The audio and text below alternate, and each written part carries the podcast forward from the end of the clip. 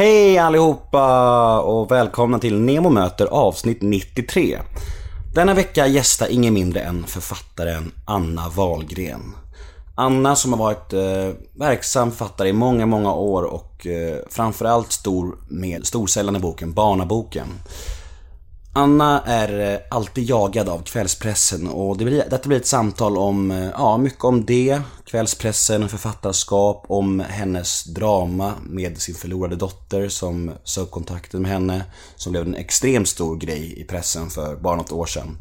Ett fint, öppet och ganska rörande samtal om eh, att vara en mamma och, och känna sig hjälplös, liksom, maktlös och förlora allt. Så ja, detta blir verkligen fint kände jag. Jag heter Nemo Hedén på Twitter och Instagram. Hashtaggen är NEMOMÖTER och in och gilla oss på Facebook, Nemo möter en vän. Vill du mig något så mejla mig på nemohedén gmail.com. Men nog om mig. Dags för Nemo möter avsnitt 93. Gäst Anna Wahlgren. Rulla gingen. Nemo är en kändis, den största som vi har. Nu ska han snacka med en kändis och göra honom glad. Yeah! Det är Nemo är en kändis, den största som vi har. Nu ska han snacka med en kändis och göra honom glad. Yeah! Hur, eh, hur är läget med dig, Anna Wahlgren? Jo tack, jo tack. Jag har besök just nu av en ung man som jag lärde känna som bebis i en babylift. Mamma Karin kom till mig. Hon skulle göra ett knäck, ett intervju, en intervju, tror jag. Jag är inte helt säker. Det hade hon gjort förut. Och så kom hon med den här lilla bebisen i babyliften och jag sa oj, oj, oj, så söt han var. Vad ska han heta? För hon skulle ju ha, alla barnens namn skulle börja på N. Och då sa hon, vi har bestämt att han ska heta Nemo. Och jag sa, men gud! Du kan inte döpa ungen till Nemo! Det betyder ju ingen! Du vet historien naturligtvis. Jag vet historien. Om Odysseus som Ja. lurade sig ut undan jätten genom att påstå, när jätten frågade vem där i grottan, den blinde jätten, så påstod Odysseus att det var Nemo. Det var ingen där. Nej, okej, fine, varsågod och gå. Så jag sa till mamma att det går inte. Han kommer att kämpa hela sitt liv för att bevisa att han visst är någon. Och se vad jag gör liksom. Fick jag rätt eller fick jag rätt? Ja men gud, jag, jag har faktiskt inte tänkt på just det där så himla mycket. Nu, för när du säger det, ganska, ganska så här uppenbart att jag... Det är klart att det, det, det, är klart att det är huvudanledningen, men det är ju kanske en del i att jag har sånt här hävdelsebehov och bekräftelsebehov och uppmärksamhetsbehov. Alltså namn är ganska bestämmande. Mm. Ofta. Hemskt egentligen att döpa sin son till ingen. Liksom. Ja, eller hur? Fint att se dig igen. Detsamma, tyck- verkligen. jag Och grattis till denna podcastframgång. Du är duktig, du är omtalad nu, du börjar verkligen etablera dig och det är så väl unt. Sist vi såg så var det inte lika muntert. Det var väl något, något, något drygt år sedan va, tror jag. Var, när, jag tror vi sågs ute i Högdalen där, i mammas lägenhet. Och jag var ganska uppgiven och ganska nedgången och, och hade ingen styrning på livet alls. Idag går det bättre. Mycket, mycket deppigheter det varvet, vill jag minnas. Flera ungar, verkligen, flera verkligen. ungar som passerade revy och mådde apa mer eller mindre. Och jag mådde apa och mamma var väl lite i uppbrotts till läge också. Nu har ju Mm. hon kommit rätt i. Det är alltid så när man träffar någon som, min, när någon, någon, eh, någon gäst i podden som mina föräldrar känner. Det blir sån här eh, direkt trygghet, för man har en historia. Det blir som att man liksom sitter med en gammal vän eller en gammal familjemedlem nästan. Det blir så kravlöst och, och mysigt på något sätt bara. Ja, det är roligt att höra. För att för mig har du och, ma- och hela din stora familj varit familj också ju. När jag var till Gastsjön många gånger. Som nu är borta. Sålt. En holländsk familj har tagit över med en liten bebis. Det är väldigt roligt. Gastsjön var ju en stor herrgård i Jämtland. Ja, herrgård och herrgård. Men det var en, nästan som en liten by. Med många byggnader. Ja. Där vi var mycket Ja. i barndomen. Vi firade bland annat en midsommarafton där. Mamma och pappa och alla barnen Hedén. Och jag och en bunt av mina då. Och det var ju hela programmet med allting. Sill och nubbe och lekar och stora gräsytor. Jag sa det. Det enda, och vi hade stång också, hade, hade barnen gjort. Och jag sa till pappa att det enda som fattas nu är, ett, eh, är att vi dansar kring stången. Ja, sa pappa, om, om jag bara hade dragspelet med mig. Ingen fara, så jag, jag har ett dragspel. Och sen åkte han på att spela dragspel halva natten. Hur kul som helst. Det är sällan man träffar någon som har eh, mer barn och syskon än vad jag själv har. Det är ganska skönt, för omväxlingens skull. Ni är ju bara sex. Ja, vi är bara sex. Eller hur? Du har eh, nio barn va? Jag har fö- fött nio, jag har åtta i livet. Ja, just det. Och du har varit gift sju gånger? Ja, men det är inte alla som har presterat några barn. Nej. Det är tre barnafäder. Ja. Och av dem är två döda nu. Ja. Det finns bara en kvar. Och det är mellanbarnets pappa. Han lever. Han är lika gammal som jag. Jag tänker en, en tanke angående det här med att gifta sig sju gånger. Tänk, har du tänkt varje gång du gifter dig att det här är mannen i mitt liv? Eller blir det slut bara som en kul grej att gifta sig? Nej, det var inte något särskilt kul. Jag vet inte, det är en allvarlig fråga faktiskt. på Ja, riktigt. jag förstår det. Jag förstår det skulle jag också ställa om jag träffade en människa som var gift sju gånger. Bevara oss väl. Nej, men mitt utgångsläge var lite dystert för att jag blev hemlös, föräldralös, övergiven, fimpad. Väldigt rejält av båda mina föräldrar. Först skilde de sig när jag var sju år. Dessförinnan, allra först, så låg jag alltså på sjukhus ett och ett halvt år, när jag bara var ett och ett halvt år till tre år. Och på den tiden skulle man ju inte komma på besök för barnen blev så upprivna. Och vad det där ställde till för trauma, det kan man ju bara föreställa sig. Ja. Men förmodligen, eller nödvändigtvis, så fanns det snälla sköterskor. Någon har klappat mig på huvudet och duttat med mig, annars hade jag inte överlevt. Det gör inte barn. Nej. Sen eh, skickades jag hem för att dö, som mamma uttryckte det lite dramatiskt. Men nu dog jag inte. Utan jag blev placerad i föräldrarnas sovrum i en säng där och gnällde på saft. Och då sa min far att om du ska gnälla på saft så får du gå till ditt, sova i ditt eget rum, sa han. Jag ska be att få bli bärd till min egen säng, sa jag då. Stolt och trotsigt. Så att jag dog inte utan jag bestämde mig väl för att kämpa på något sätt. Mm.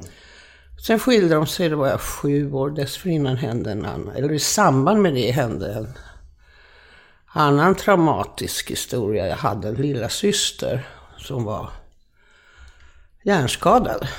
Och eh, henne tog jag hand om väldigt mycket. Lekte med och skyddade från de andra barnen som retade henne förskräckligt. De kunde inte behålla maten, rann ut i mungipan, hon hade blöjor och var fyra år yngre än jag. Och plötsligt från den ena dagen till den andra så var hon försvunnen. Man hade lämnat bort henne. Och hennes namn skulle aldrig nämnas mera. Och jag visste, visste inte vart hon tog vägen. Det var ingenting vi pratade om från och med nu. Lite hårt. Men vadå, det var någon slags skamgrej? Ja, visst var det det. Visst var det det. Men eh, sen i samband med det så skilde de sig och min mamma och den bror, min enda helbror, eh, som jag hade, vi flyttade till Stockholm.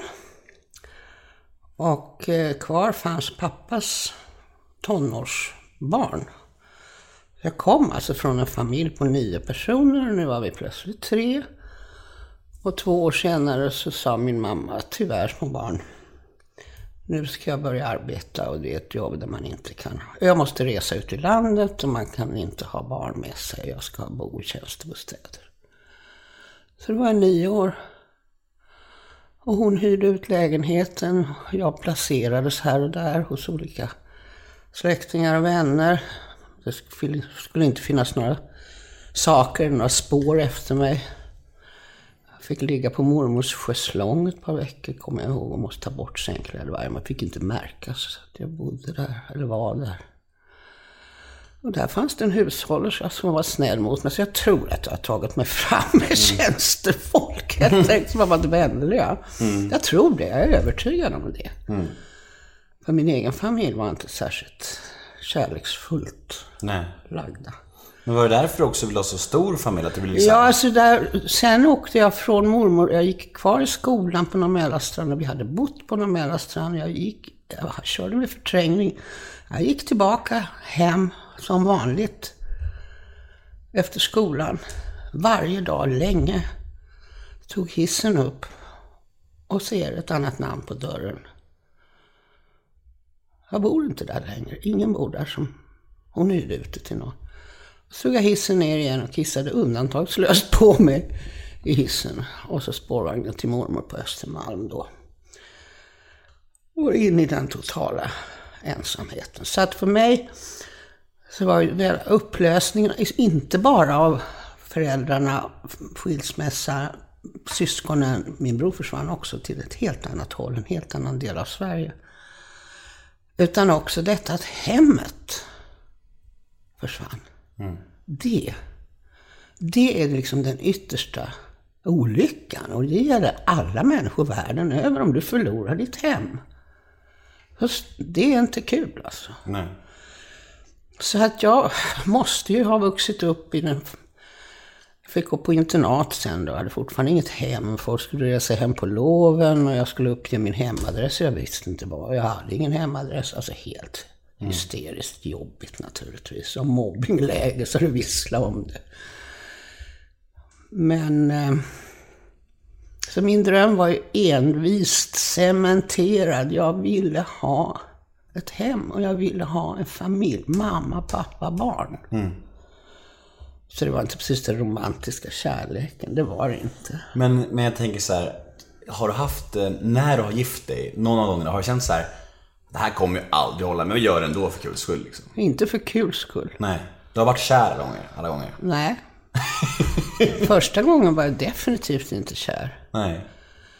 Då hade jag gått på internatskola nummer två och fått bo hos läraren, en av mina lärare, klassföreståndare, för han, de hade allihopa ett uthyrningsrum för en människa som skulle ta studenten, en sån som jag då, sista året. Sen tog jag studenten mot alla odds och sen åkte jag hem till mamma. Där kunde hon kunde jag inte vara, jag fick inte bo där. Mm. Så då ringde jag till honom och grät och var alldeles förtvivlad. Så jag, jag vill komma hem. Jag hade bott hos honom i ett och ett halvt år i mitt rum där. Ja, men det går ju inte, så han. Nu har ju slutat skolan. Ja, vad ska till för att det ska gå då, sa jag. Ja, det skulle vara om vi gifte oss, klämmer han ur sig. Han var 53 år och jag var 18. Mm. Ja, men då gör vi det, sa jag. Då fick jag ett hem och två barn. Där måste man tänka så också. Precis, ja men det var, vad skulle jag ta vägen? Nej, jag, jag, jag klandrar inte. Jag, jag inte. Hemlös sedan nio år. Jag fattar. Jag klandrar inte. Och i, idag, idag står jag ju faktiskt utan hem i Sverige också. Mm. Det är cirkeln sluter sig. Gastsjön var mitt hem i 30 år. Mm. Det är tur då att man har så många barn. Ja, jag vet inte det. jo, angående din och min mammas relation. Hur lärde ni känna varandra? Hon kom upp och jobbade för ETC då. Ja. Så hon eh, kom upp och skulle göra en intervju med mig. Jag var ju oerhört eh, samhällsdebatterande. Mm. Och hon hade med sig en äkta fotograf. Det hade man ju på den tiden. Hon plåtade ju inte själv som man gör idag, stackars journalist. Och då kom jag ihåg och frågade, är det någon särskild sida du vill ska framhävas? Mm. Alltså mitt ansikte. Jag blev helt paff. Hon var väldigt söt. Och sen blev vi jättevänner på en gång. Mm. Och har varit i alla år sedan dess. Så det var alltså ungefär vid den tiden som din syster föddes. Din mm. äldre syster. Den äldsta? Nicky, ja. Mm. Eh, jag tänker så här, du har varit offentlig människa ganska länge och så här, och varit, varit mycket i intervjusammanhang och pratat om ditt liv och skrivit och sådär. Hur är du med transparensen idag? Tycker du att, kan du prata om allting eller är det vissa grejer som du känner att det är privat, det vill inte jag snacka om liksom? Eller hur? Nej då, det finns inga sådana spärrar av, av, av att jag inte vill. Men det finns ju definitivt en skillnad. Jag menar, jag är gammal nu. Jag är jättepensionär. eh, och jag har flyttat till Indien. Så att det är mm. väldigt mycket märker jag ju när jag kommer hit. som jag inte kan kalla hem längre. Men när jag kommer hit till Sverige så märker jag att det är väldigt mycket som inte är, känns intressant längre. Nej. Jag vet när jag flyttade så var det någon journalist som sa, ska du, sa, ska du gå in i samhällsdebatten i Indien? Jag bara gapskrattade. Så Indien är en subkontinent och kommer lilla Anna Wahlgren från Sverige och ska tala om för Indien hur de ska leva och inte leva. Så att det, hela det där köret att delta i samhällsdebatten och att vara privat. Jag är jättegärna privat och personlig. Men det är i så fall helt andra saker som, som är intressanta för mig.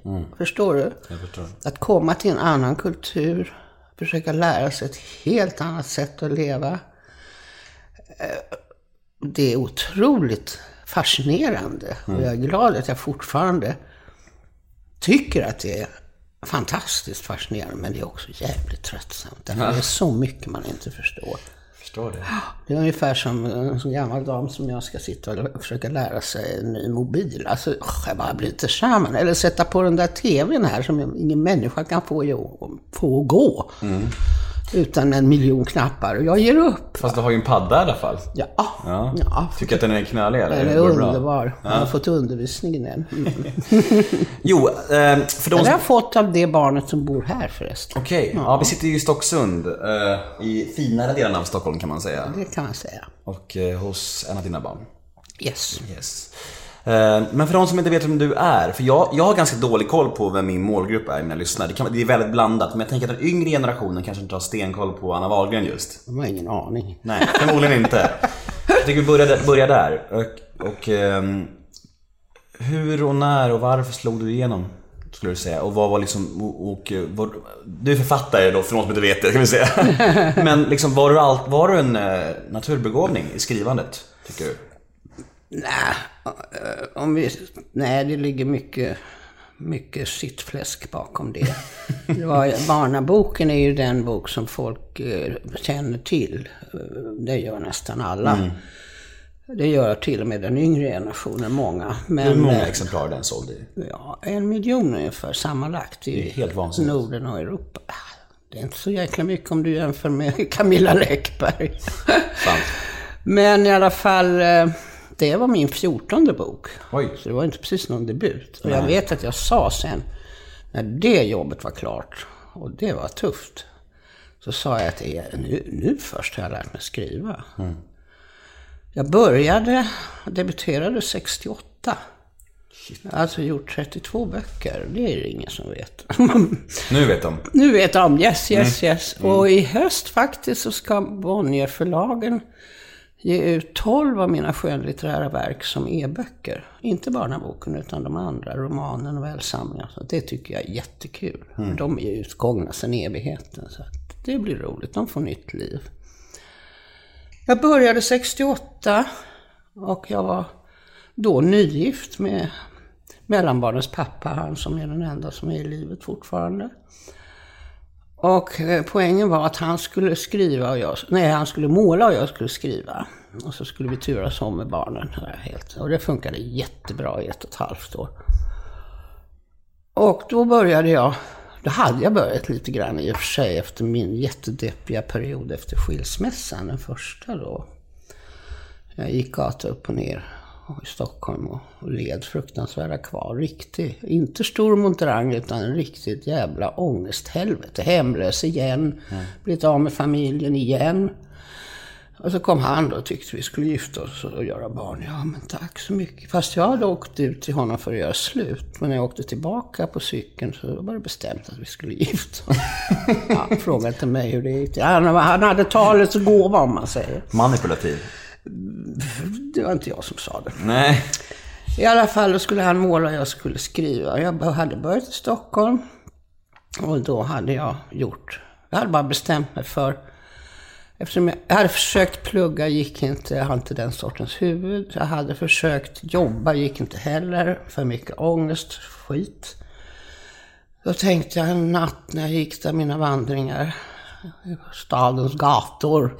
Och grät och grät och grät. Så tänkte jag det måste finnas någonting som jag är bra på. Vad är jag bra på? Deppigt. Då, ja, det kan man säga. Det är bara förnamnet. jag bra på? Och då kom jag ihåg att jag alltid hade fått bra betyg på mina uppsatser. Och precis då så kom det en ambulans körande på Odenplan var detta. Jag hyrde en kvart där bakom hörnet. Förfärlig kvart. Och jag fick för mig att i den så ligger det en förmögen direktör från Djursholm som har allt det som jag går och drömmer om och som alla människor drömmer om, antar jag. Han har ett fint hem, han har ett bra jobb, han tjänar mycket pengar, han har två välartade barn, han har en snygg fru, han har allt man kan önska sig. Och nu ligger han ensam i ambulansen och svävar mellan liv och död. Vad har han nu? Jag ska skriva en novell. Så gick jag hem och skrev en novell. Och då hade jag en inneboende av och till som var bög. Och vi var jättekompisar. Jag sa till honom, nu har jag skrivit en novell, du måste lyssna. Började läsa, han somnade ju omedelbart. Men i alla fall, det avskräckte mig inte. Så jag skrev, bestämde mig för att göra tio noveller, det gjorde jag. Skickade in dem till Bonniers förlag. Väntade ett antal månader och sen fick jag ett brev. Jag fick tillbaka manuskriptet förstås. Fick jag ett brev, det hade ändå gått hela vägen upp till självaste Gerhard Bonnier. Det var väldigt märkvärdigt och inte fastnat hos någon lektör på vägen. Och han skrev väldigt vänligt och uppmuntrande och sa att jag kan inte publicera det här, men en av de här historierna är inte helt dålig. Och wow, tänkte jag. Och slängde dem. Nej, det var två. Två gillade han. Två. Och slängde de åtta. Skrev åtta nya. Skickade in de tio. Och av dem så var det... Mm, de, de nya var det väl en då som man kunde tänka sig. Aha, då hade jag tre. Slängde de sju, gjorde sju nya och höll på sådär. I ett och ett halvt år. Tills han sa okej, vi ger ut den. Och detta hände precis när vi hade flyttat ihop nere på Hallandsåsen i vårt lilla ruckel. Den här konstnären Nils B och jag, författaren Nils B. Och boken kom. Och jag skrev en ny novellsamling på 14 dagar i rena euforin. Och han skulle då iväg till Stockholm för att försöka få en tavla utställd på Liljevalchs. Som på den tiden, jag vet inte om det är så fortfarande, varje år hade en debutanthistoria. Där folk kunde ställa ut saker och kanske bli upptäckta då. Men de ville inte ha hans tavla. Och det hämtade han sig aldrig ifrån. Så att där började våra vägar gå isär. Sen började han få svårt. För att jag fortsatte. Du har fått blodad tand. Ja, ja, och jag övervann ju motståndet. Jag bröt inte samman för att Gerhard Bonnier refuserade mig. En gång, två gånger, tre gånger, fyra gånger, fem gånger. Han blev refuserad en gång och försökte aldrig mera sen. Så där började det gå ut för. Men det här med att skriva böcker och så här, och att du säger att du har skrivit 16 böcker innan, 13, alltså, 14, ja, innan din 13 stora, innan. stora, för Barnaboken var din stora, din största bok, överlägset. Ja, den är störst i formatet, definitivt. Hur, och jag tänker hur, när en sån bok slår igenom så där, och man säljer hundratusentals exemplar och det blir som en guide för liksom barnuppfostran för många människor. Hur blir det för dig? Alltså, blir, känner du bara så här glädje och stolthet eller var liksom så här, hur var känslorna liksom när den blev så pass stor? Naturligtvis blev jag vansinnigt glad över att så många människor tog den till sig. Och det är en bra bok, den är fortfarande högst användbar. Eh, och den finaste komplimangen fick jag faktiskt av en taxikille, en äldre taxichaufför. Och nu får man komma ihåg att innan Barnaboken så var inte jag så där våldsamt populär. För jag hade härjat väldigt mycket i dagisdebatten. Så det fanns stora läger som hatade Anna Wahlgren. Så att om de skulle öppna Barnaboken, då måste den vara verkligen, verkligen bra och den måste ha rätt ton. Så jag kämpade länge med det. I alla fall den här taxikillen han tittar på mig i backspegeln och så säger han Ja, jag känner igen dig. Ja, tänkte jag. mm, Det där är ju alltid en lite utmanande replik då. då. Vad fan svarar man på det? Jag känner tyvärr inte igen dig. Det duger inte. Jaha, sa jag. Ja, det ska du veta, Anna Wahlgren. Att hemma hos oss, frugan och jag har en bokhyllevägg. En stor jävla bokhyllevägg. Och där lägger hon spetsdukar och ljusstakar och foton och vad det är för någonting. Och så har vi tre böcker i den. En handlar om motor. En handlar om mat. Hon är jävligt bra på att laga mat. Och så är det barnaboken. Jag vet inte hur den hamnade där. Men jag har läst den från perm till perm. Och det ska du ha klart för dig. Vi har inga barn. Ja, det är ett bra betyg. Det är ett fint betyg. Det var det. Minns du dagen när du kunde börja försörja dig på skrivandet? Och, och hur var den känslan liksom? Nej, det kom tidigare faktiskt. Eh, jag hade ett litterärt genombrott efter de här båda novellsamlingarna. Och då ringde, ringde Gerhard Bonnier till mig och sa att nu får du visa att du menar allvar. Och jag blev djupt kränkt som bara ungdomen kan bli. Så vadå allvar? Jag har skrivit två novellsamlingar som du har gett ut och de är högst allvarliga. Nej, du måste göra en roman, sa han. Novellen på den tiden stod verkligen inte högt i kurs heller. Jag tänkte, gud så jobbigt att göra en roman. Ska man hålla på en hel bok med samma människor? Dödtryck och någon jävla historia i stor stil och sådär. Och då löste jag det ganska elegant genom att skriva om en BB-avdelning. På den tiden låg man alltså sex eller åtta med mammor på samma sal.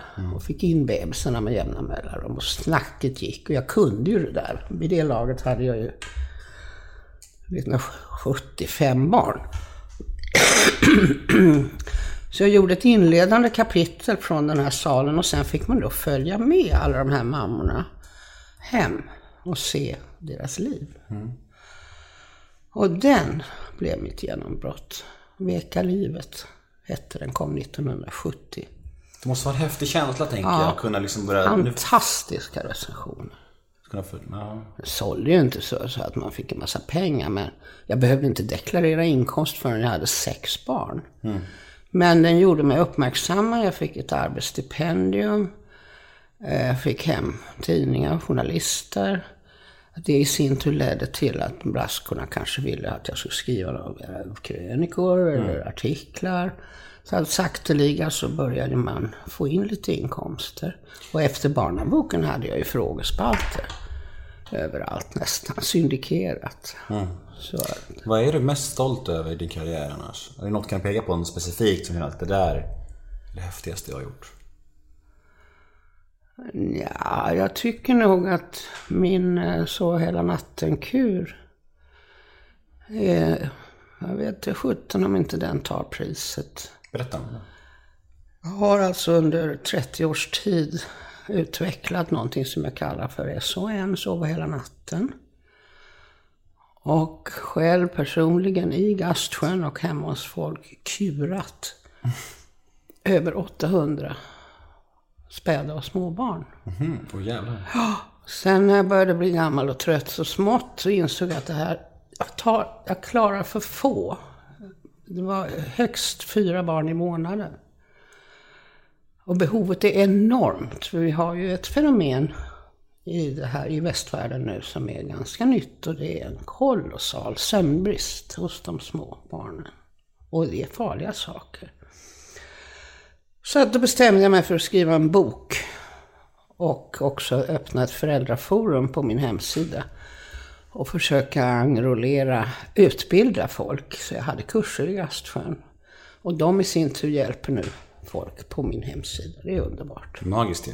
Ja, och, och grejen är alltså att den här Sova hela natten-kuren, den fungerar. Och jag kan underbygga varför genom de teorier som jag lägger fram. Och som ingen av de vita rockarna någonsin har kommit att tänka på där de står med sina receptblock. Jag är mycket, mycket stolt över den. Det, det, det är ett livsverk. Det har räddat livet, påstår folk. på hur många familjer som helst som håller på att gå under eller som går under. Och separerar, skiljer sig, därför att då kan man åtminstone sova varannan vecka. Men det är ju helt absurt. Helt absurt. Så kör man kuren som den ska göras, och det står i boken alltihopa, så sover små barn från fyra månaders ålder 12 timmar per natt. Ostört, obrutet, sammanhängande och gott och lyckligt. Här har ett tips till alla småbarnsföräldrar. Ja! Perfekt.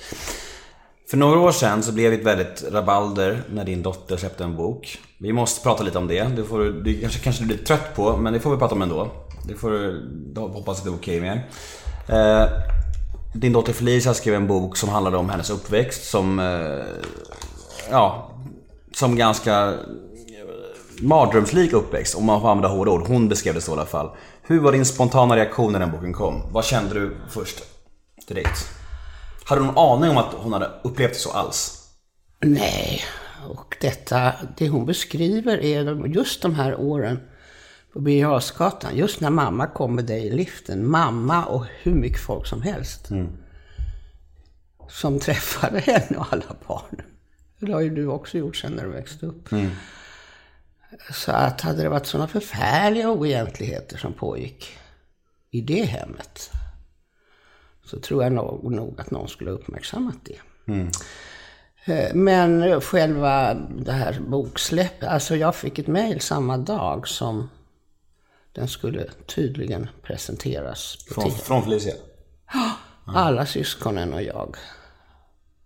Hon ringde alla syskonen, mig mejlade hon. Och samma kväll ser jag att, eh, jo hon skrev att nu skulle hon ge ut en bok och och jag nämndes inte vid namn men eh, alla skulle säkert ändå förstå att det var jag. Och på omslaget satt ju den mycket, eh, vad ska jag säga, säljinriktade eh, förläggaren Svante Weiler, han satte ju mitt ansikte på för säkerhets skull. Halva ansiktet. Så att jag verkligen inte skulle kunna gå och missa vem det handlade om. och sen på kvällen så hör jag mitt namn på köks-tv nämnas och så tittar jag och så ser jag en stor bild på mig själv. Och Rapport lanserar alltså den här boken som en världsnyhet. Så det var en fantastisk marknadsföring han hade fått till där. Själva boken kom inte förrän sex veckor senare. Kunde du fatta, alltså när, när hon, du fick mejlet från henne och när du såg bara rapport, kunde du fatta vidden av det? Att det skulle bli så stort som det blev? Nej, det, det kunde jag. blev total chockad. Omedelbart efter den här eh, nyheten så började ju medierna publicera utdrag och de höll på i fyra månader. Och jag förmådde mig inte att läsa boken på fyra månader. Rektorn blev över med det som tidningarna citerade. Så att jag befann mig i ett tillstånd där jag inte begrep hur jag kunde vakna igen på morgonen. Jag var övertygad om att det här är... Alltså, depp hade jag väl upplevt förr, men det var liksom rena småpotatisen. Totalchock. just det här med att du ändå har varit någon slags eh, landsmoder för barnuppfostran med barnaboken och allt det här. Det blir sådana ko- konstiga kontraster då till att någon av dina barn ska skriva en sån här bok som handlar om dålig barnuppfostran i princip. Det, blir, det skär sig väldigt... och- och Det måste vara därför det måste vara extra konstigt för dig. Alltså för jag, jag blir så här. Hur kan två människor ha så olika uppfattning av samma sak? Ja, eh,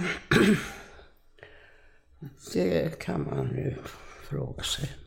Som sagt, det var ju hennes uppväxt, barndom och uppväxt och min. Mitt eh, familjeliv, min mammaroll, allt vad det kallas, utspelades ju för öppen ridå. Mitt i stan. Det funkade som fritidshem. Folk lärde sig väldigt snabbt. Det här var ju tonåringar då. Lärde sig väldigt snabbt att där fanns det en mamma hemma. Och där fick man fika. Och där kunde man glo på video som kom då. Så jag menar, jag hade hur mycket folk som helst. Hade jag varit så försupen och legat utslagen och haft sönder möbler och allt vad hon beskriver så hade jag nog inte barnen tagit hem så mycket kompisar som hon ständigt gjorde. Jag skulle inte tro det. Jag var sur på dem ibland, fast det visade jag inte på alla besökarna. De köpte, de åt upp hela osten, en stor jävla ost per dag. Och vi bakade ju bröd själva, alla. Så det var ju tur att det... Men bröd och så, ost och smör alltså. Jäklar vilken konsumtion. Men de mådde bra, vi pratade alla. Alltså när jag nu tömde Gastsjön och gick igenom saker så hittade jag ett brev. Som eh, är lite bestickande. Hon skrev det, Felicia skrev det bara några år innan hon började arbeta på sin bok som hon, som hon menade sen hade tagit fem år ungefär att göra. Och det här brevet är bara några år innan. Tack älskade mamma för att jag fick ha min fest i ditt underbara paradis. Och tack för all hjälp som jag fick av dig, trots att du hade så mycket att göra. Och så fick jag en så fantastiskt fin ring av dig. Och det betyder mer för mig än jag kan säga. Och de andra fina smyckena. Jag är så glad och tacksam för allt du gör och allt du är, att ord inte räcker till. Ditt tal, du, din generositet och det du sprider omkring dig av värme, glädje och skratt är obetalbart och ovärderligt för mig. Tack, puss, Felicia. Ja, så där, så där skulle inte någon skriva som, som har haft en helvetes jävla uppväxt och barndom. Det vore väl att ta i lite mycket, va, för att det skulle vara trovärdigt om det inte var sant. Jättekonstigt verkligen. Det som kom emellan sen detta brev och boken som hon gjorde, det var två saker. Dels så ställde hennes pappa, konstnären då, den icke, icke förlöste konstnären, han ställde ultimatum. Och han hade alltså varit borta hela hennes barndom. Han dök upp igen på Birger först när hon var tonåring. Han ställde ultimatum efter ett underbart knäck i Expressens söndagsbilaga på Felicia och mig och Gastsjön. Där vi talade om hennes döde lillebror, min och Aron. Då ställde han, det blev för mycket för honom, då ställde han ultimatum. Antingen fick hon bryta med mig eller också skulle hon säga adjö till honom och aldrig träffa honom mer. Detta berättade Felicia för mig och var mycket, mycket ledsen. För hon var den enda som var stor nog att minnas sin pappa från det hon var liten. De andra var så små när han stack, så de kom inte ihåg honom ett dugg. Men hon var ändå två och ett halvt år och hade ett jättefint förhållande med honom då. Så det var det ena. Det andra var att hon började gå i terapi. Och det beskriver hon själv i boken, det visste inte jag. Varav två år i hypnosterapi. Och det kan man göra om man vill få en helt, vad ska vi säga, ny bild av saker och ting. Jag vet inte om du minns en förfärlig historia.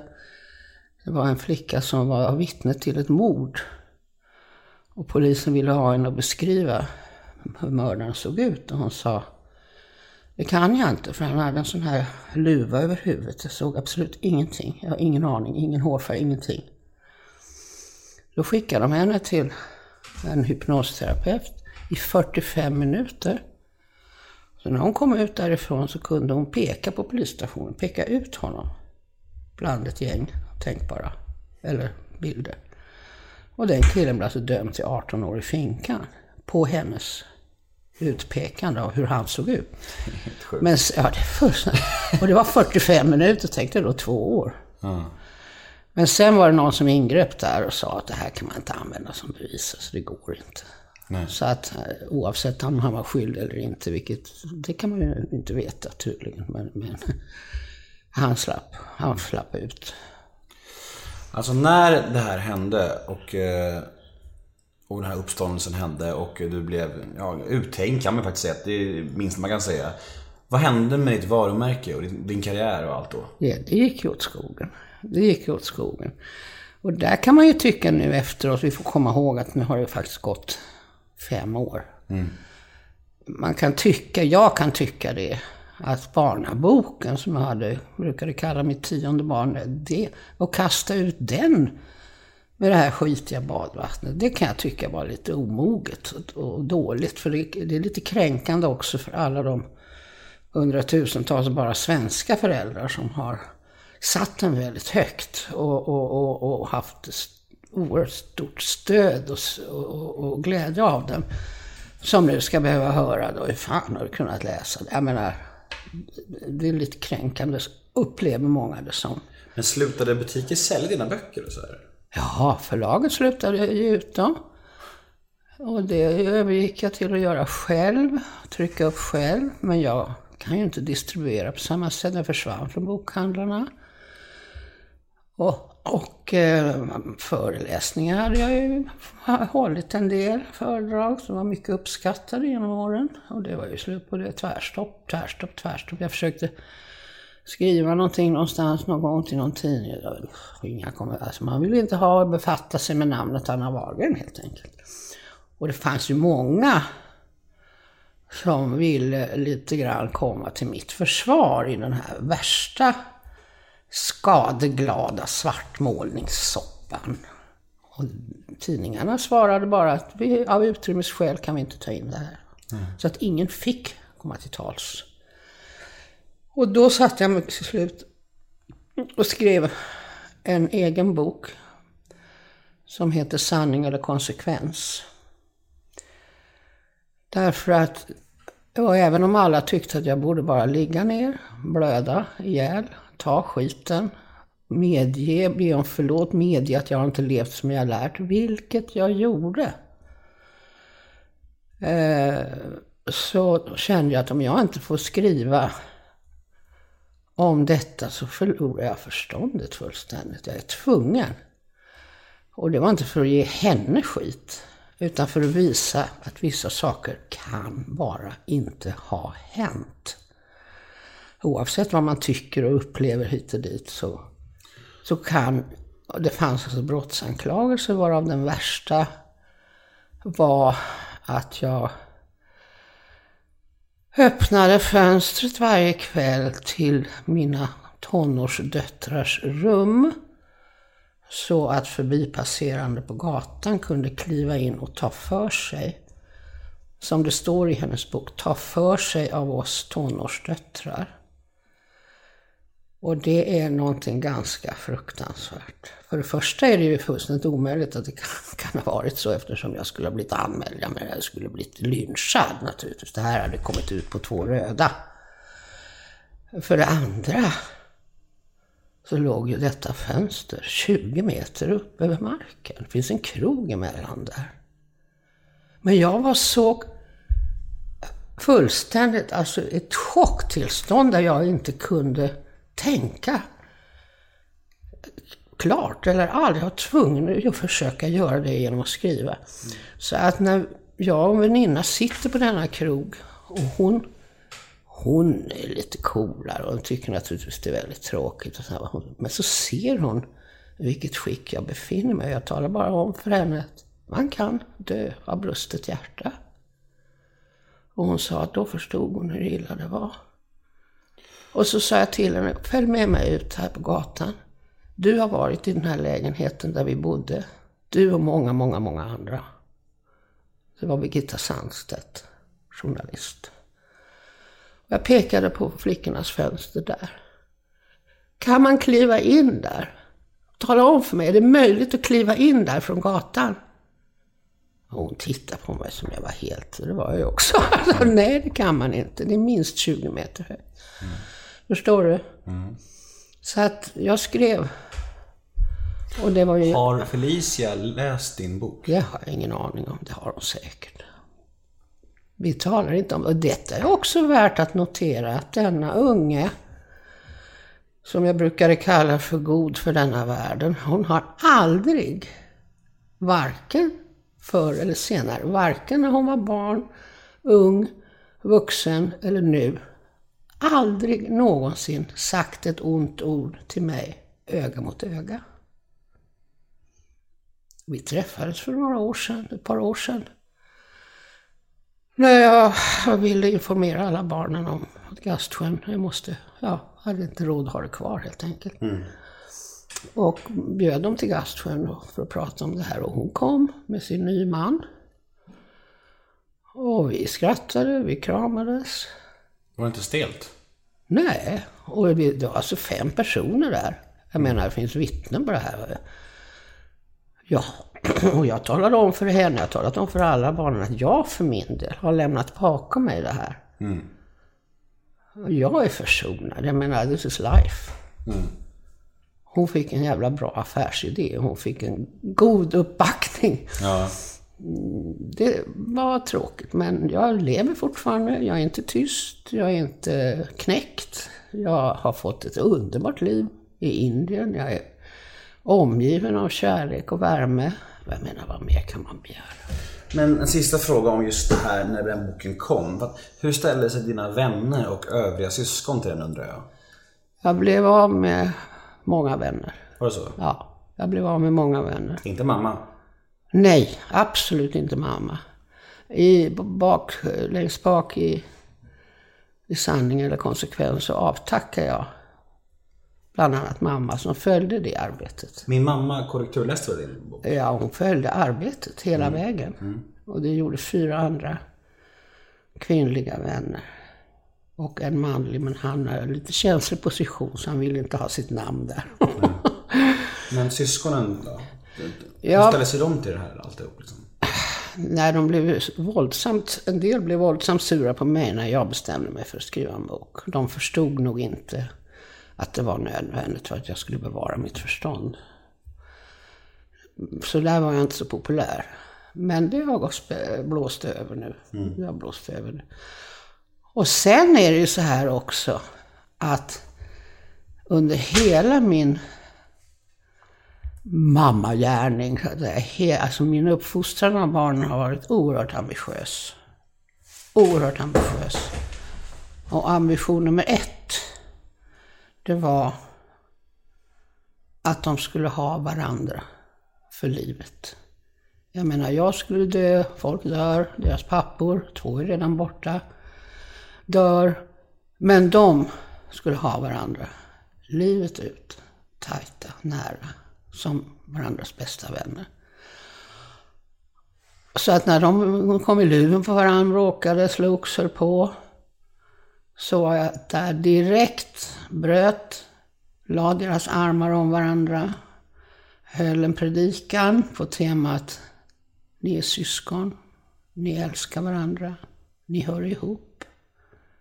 Kom ihåg det, ni älskar varandra, ni hör ihop. Ni är och de fick inte gå för, förrän de hade stillnat, slappnat av. Så där körde jag med hur många gånger som helst. Och vad är resultatet? Det finns för handen. De är jättenära. Felicia var ute på promenad med den äldsta alldeles igår. Jag menar, hon är med hela tiden. Alla är med hela tiden. De är jättetajta. Några av dem har mer än daglig kontakt flera gånger om dagen. Och det här är ändå folk som är urgamla nu. Den yngsta är 37 och den äldsta 54. Men eh, jag tänker lite så här, de... Kunde de andra syskonen känna igen det hon beskrev eller var det lika liksom förvånande för dem som för dig? Ja, de tre yngsta gick ut direkt. Det är klart journalisterna jagade dem allihopa. En av dem, den äldsta, har överhuvudtaget inte läst hennes bok, befattar sig inte.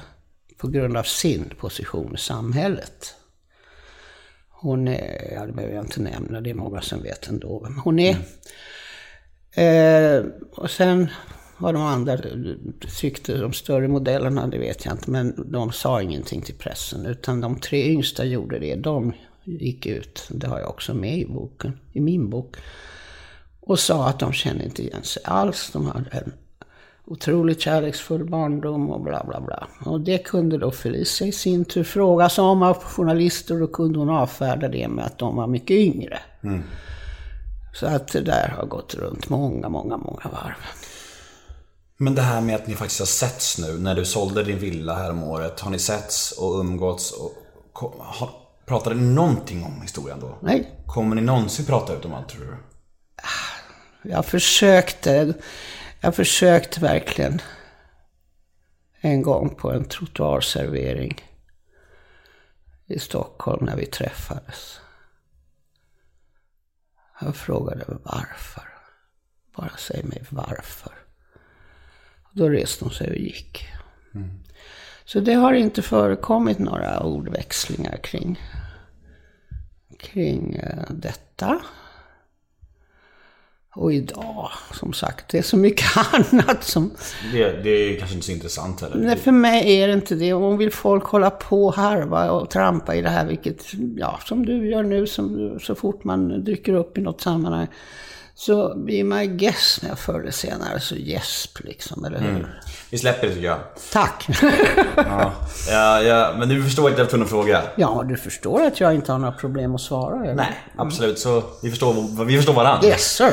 Men varför tycker du att media, för du har alltid varit ganska intressant för media. Varför tycker du att media, varför tror du att media är så intresserad av dig då? Ja, var? De Var, var. intresserad av dig? Vad har du din persona som gör dig så attraktivt för kvällstidningar? Alltså, jag var ju rätt snygg. Du är snygg Anna. Nej, nu Jo. ska vi inte vara sådana. Jag går inte på vad som helst. Tack så mycket. Dessutom har jag tappat en hel brygga i käften så jag är tandlös också. Eh, Så går det när man räker. Eh, Jag var ju rätt snygg och, och, och alla dessa barnafödslar, nio stycken, syntes inte. Det gjorde alltså en väldig massa kvinnliga journalister hade svårt att se mig. Och när hela detta sällskap seglade in på Manila på Bonniers vid någon boklansering eller vid deras fest. jag vet, folk, fanns de som, det var, skrev också någon, var det Britta Svensson i Expressen? Eller var det Cecilia Hagen? Jag tyckte illa om Anna Wahlgren redan innan jag hade träffat henne. Vad har man för ja, chans då? Verkligen. Och sen eh, tog jag hand om mina barn själv i en tid när alla ungar, ja, ropen skalla, daghem mot alla. Och jag sa, nej, inget bra före tre års ålder, skrek jag högerligen landet runt. Eh, med un- ungar i släptåg ofta, men inte alltid. Eh, och sen skrev jag böcker, hur kan man göra det? Man själv ska ha hand om en massa ungar och folk trodde ju att jag hade åtta tvååringar. Ingen hjälpte till med någonting. Och så ingen karl, ensamstående då. Merparten av tiden var jag ju ensamstående. Och när jag inte var det så försörjde jag ju dessa äkta män också. I regel, alla utom två. Vilket, allt det här är omöjligt. Jag försörjde hela bunten genom mitt skrivande samtidigt som jag tar hand om åtta eller nio tvååringar. Mm, Ja, det låter knepigt va? Låter lite knepigt. Så att det var ju inte en siffra rätt. Och dessutom beklagade jag mig inte. Jag hade den dåliga smaken att säga att jag levde ett, ett, ett lyckligt liv. Ett bra, ett bra liv. Och då sa de, det är inte jobbigt. Brist på självömkan. Ja, det har jag inte ägnat mig åt faktiskt. Jag vill gärna tro det i alla fall. Och jag sa att det är inte barnen som är jobbiga, utan det är allt omkring. Detta plock, detta tvättande, detta eviga stressande och handla med dem. Alltså, allt omkring, men barnen är inte jobbiga. Och det här var alltså en tid när man verkligen började klaga över barnen. Om du minns. För ju mer barnen var borta hemifrån, alltså ju mer dagis var en intrång, så att folk inte levde ihop längre, desto jobbigare blev ju barnen för föräldrarna. Och Liksom hinna med och fixa allting på en timme eller en och en halv på kvällen. Hopplöst läge skulle jag säga. För alla parter. Hörru, eh, jag måste fråga. Hur är ditt förhållande till alkohol idag? Tack, bra. Är det? Just det, det är bra. Nu behöver man inte resa så väldigt långt utanför Sveriges gränser för att inse att Sverige och svenskarna har ett oerhört ångestfyllt förhållande till alkohol som är ganska världsunikt. Jag har aldrig stött på det någon annanstans. inte ens i Norge. Nej. Det där märkte jag när eh, vi bodde, de yngsta barnen och jag, på Manhattan i New York ett tag. Och eh, ett och ett halvt år, och då lär man känna en del folk. Och eh, då träffade jag bland annat en, en, en, ett par där som bodde någonstans utanför stan och de berättade för mig att alltså, vi var så himla fattiga när vi gifte oss. Vi hade inte ens råd att ha en bar. Det var liksom det första jag hörde som god, upprörd, moralisk svensk. Och sen var jag ute och gick med ett gäng, ett par, tre kvinnor och vi babblade på där vi skulle ner och titta på eh, Battery Park. Och så stannar en och tittar på klockan. Men gud, hon är över cocktail hour! Hon är nästan halv sex! Vi måste hitta en bar! Och jag tänkte, jaha, oj, är det så pass? Ja. Jaha, så hittar vi en bar vad gör de då? Beställer apelsinjuice. Det är nämligen också en drink. Någon tog ett glas vin. Men du kan ta ett glas vatten, det är också en drink. Och sen så var jag ju, kom jag ju lite grann i hörnet på svensk gänget där. Och då med amerikaner då förstås. Också mycket journalister. så jag var hemma hos någon på, på en fest där. Och eh, de som stannar kvar är svenskarna. Så länge det finns gratis sprit. Alla andra går hem elva senast. Och de är kvar till tre. Och då somnar allihopa i vardagsrummet. Det var inte så väldigt poppis bland dessa Nej. New Yorkers. Det var också en rolig historia som cirkulerade som var väldigt sann. Eh, som de sa, att fråga aldrig en svensk “How are you?” Det kommer att ta dig tre timmar på närmsta bar och lyssna på svaret. Men eh, dricker du varje dag? Jag? Om du menar alkohol? Eller menar du kaffe, vatten, Alkohol. saft? ja, finns det så gör jag nog det till maten och även emellan ibland. Absolut. Finns det inte så, så är det inte direkt så att jag lyftar Nej, jag fattar. för att få tag i det. Och jag har inte råd att gå på krogen i det här landet. Så det, Nej, vem fan har det? nej, eller hur? Fan, Jag kan ju hutlöst. snart inte gå på ett fik. Sjukt. Nej, men jag tänkte på det här med Indien. Varför, varför, hur kom ditt intresse för Indien och eh, hur länge har du flängt fram och tillbaka dit? 20 år nu. 20 år? Ja, på det 21. Ja. Vad betyder Indien och andligheten och allt det där för dig? betyder väldigt, väldigt, väldigt mycket. Ja. Det är en väldigt lång historia det där. Men innan vi eh, går in på den historien, hur alltihopa började, det är kul i och för sig. Så tänkte jag på det här, du frågade om alkoholen.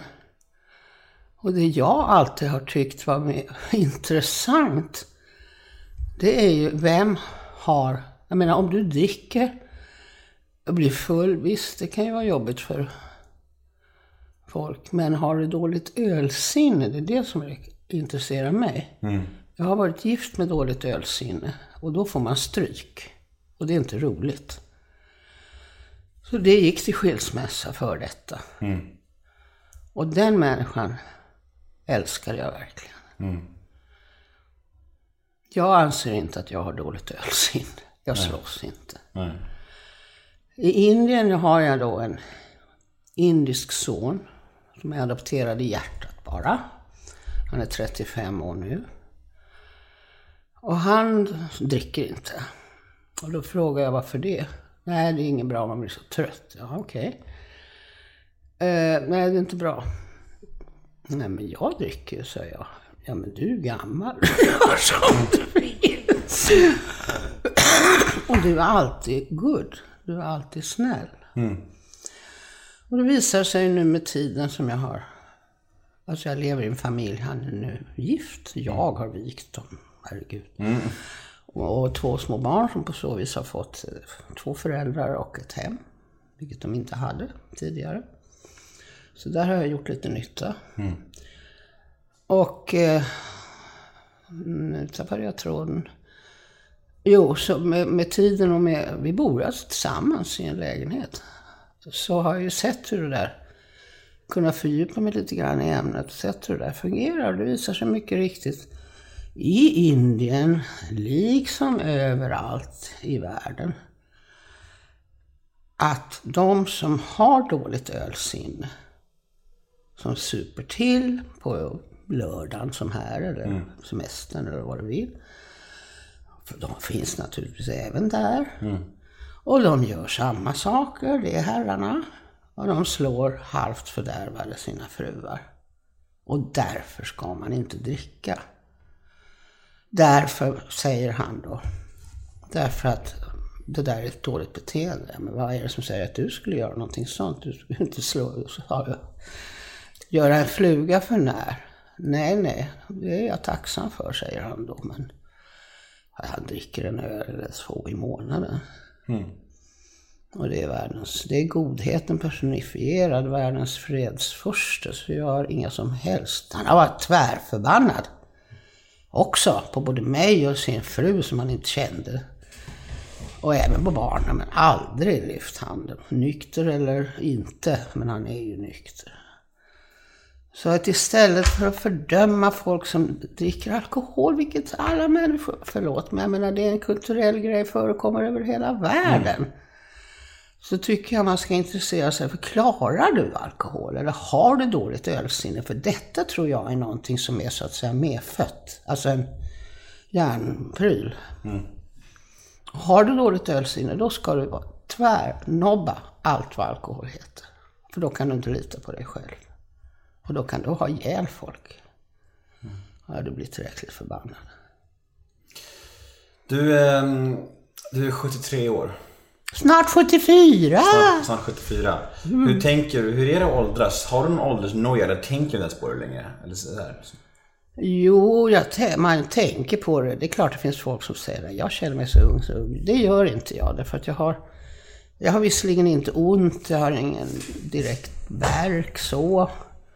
Men det är mycket annat som påminner en. Som till exempel att jag börjar se så dåligt. Jag går till optikern och, i Indien och han säger tyvärr, starkare glasögon funkar inte på dig för nu är du för gammal. Hallå! Ska det betyda att jag inte kan läsa? Nu fattar jag plötsligt varför gamla människor sitter med förstoringsglas. Det är sjukt. Nej, det är det inte. Det är bara att vänja sig. Och sen en del annat sådär, man kan inte... Står det? Bröt ut i Gastsjön. Min ålderdom bröt ut när jag skulle kliva upp på en stol och märkte att det gick inte. Är det en sorglig insikt? Ja, man blir paff. Och det är alltså, balansen går åt skogen. Det finns en anledning till att gamla människor går med käpp. Så att eh, sånt, eh, jaha, får man konstatera. Och man fattar ju också då att det lär ju inte bli bättre. om man säger. Förmodligen inte. Men är det noja, det vet jag inte. Nej. Det är sånt väl för, för Sånt håller man på med yngre åren kanske. Eller hur? Eh, jag, tänker, jag har ett segment som heter ett ord om. Där jag säger fem offentliga människor i Sverige. Och du får säga det första ordet som kommer i ditt huvud när du hör det namnet. Jaha. Alex Schulman. Stadigt växande. Marcus Birro. Olycklig. Sara Larsson. Tyvärr obekant. Jimmy Åkesson. Kämpar emot vind. Leif GW Persson. En charmerande omhuldad suput. Veckans brev lyder så här. Hej Anna, berätta om din bästa alternativt din värsta drogupplevelse. Herre milde. Ja, drogupplevelse. Har de bra eller dåligt? Jag du har berätta. en förfärlig, men jag var inte själv den som drogade. Men jag var tillsammans med en kille som knarkade hårt. Eller hade knarkat hårt. I Stockholm. Och han drog med mig till en kvart. Och jag var bara 16-17 år. Och där satt det ett, en hög i ett hörn som var skinn och ben och ingen själ. Han gick, det var en heroinist i sista stadiet. Och han dog mycket riktigt veckan därpå. Och den bilden glömmer jag aldrig. Och det har lett till att jag har aldrig, jag kan inte ens, jag tar en halv Alvedon en gång om året ungefär. Aldrig. Jag är livrädd för allt vad även högst banala tabletter heter. Vad blir du som ledsnast över idag? Vad får du ångest över? Vad tycker du är jobbigast idag liksom? När mår du som sämst? Varför frågar du inte när jag mår som bäst? Därför att jag tycker om mörker. Jaha. När jag mår som sämst. Jag Jag har börjat uppfostra mig själv. Jag är inte... Jag har haft en rejäl depp länge. Det kan man absolut säga. Och det var, var inte så jäkla kul att lämna Gastsjön som jag byggt upp för barn och barnbarn under 30 års tid. Det är klart man blir ledsen och den här boken ska vi inte tala om sorgen över att ha förlorat detta barn, för det har jag ju. Det har jag ju. Mm. Liksom jag har förlorat Gastsjön. Sen att jag har båda delarna kvar i hjärtat. Det är en annan sak. Och det, det kan naturligtvis göra mig lite ledsen. Inte obedelat Nej. hoppsan hejsan glad. Va? Men ångest vill jag inte kalla det för. Jag är nog ganska ångestbefriad nu. Vi kan, vi kan väl också göra, för att jämna ut ska vi se, när mår du som allra bäst då? jag får krama om min lilla stora pojke i Indien. Mm. Och det gör han flera gånger om dagen. Däremot kramar han inte om sin fru så det stör, eller alls. Nej. Hedra, hedrande alla ja, nej, men det är så gulligt. Det är så gulligt. Var rädd om det. Jag kommer snart tillbaka. Tänk, poängen med detta i liv jag har i Indien, det är ju att jag blir så fullständigt hundraprocentigt omhändertagen. Mm. Och lägg på en 5-10 år på min ålder här i Sverige. Jag skulle stå där och köa för ett äldreboende och mm. sitta ensam. Dregla. Jag menar, vad är det för liv? Ovär, här ovärdigt. Behöver, ja, här behöver jag inte vara ensam en sekund om jag inte vill. Jag har hela tiden dessa människor omkring mig som är väl medvetna om att om jag är lycklig så är de lyckliga. Och hela vår tillvaro hänger ju på en win-win situation. Jag får bästa vården och de får ett bra boende, ett bra liv och en mm. familj värd namnet. Faktiskt tack vare mig. Har du några drömmar kvar angående framtiden? Något du vill uppnå eller något, så här, fan det här skulle jag vilja hinna med? Något, något kvar liksom? Jag vill bli jätterik och kunna ha min son att köpa, att förverkliga sin dröm som också är min, nämligen att öppna ett ashram. Som är en eh, vårdinrättning, detta gräsliga ord, för föräldralösa barn som då får gå i skola och omhändertas dygnet om. Personal, människor, ideellt arbetande. Ja, tänk Moder Teresa. Mm. Eller, och eller gamla människor, sjuka, ensamma. Ensamma människor i, i, i, Indien, ensamma gamla människor i Indien, de har det inte roligt. Ja, de har inte roligt här heller. Nej. Så att det skulle vara hemskt kul och det är hans dröm har varit hela livet. Att öppna någonting sånt, driva någonting sånt och kunna hjälpa de som inte har någonting. Glöm inte bort de äldre. Det kan vi avsluta med tycker jag. Verkligen. Eh, jättetack för att eh, du ville vara med här. Tack för att jag fick vara med här. Jag heter Nemo Hedén på Twitter och Instagram. Hashtaggen är NEMOMÖTER. Och eh, vi säger tack till Anna Wahlgren. Tack, tack. Tack, tack.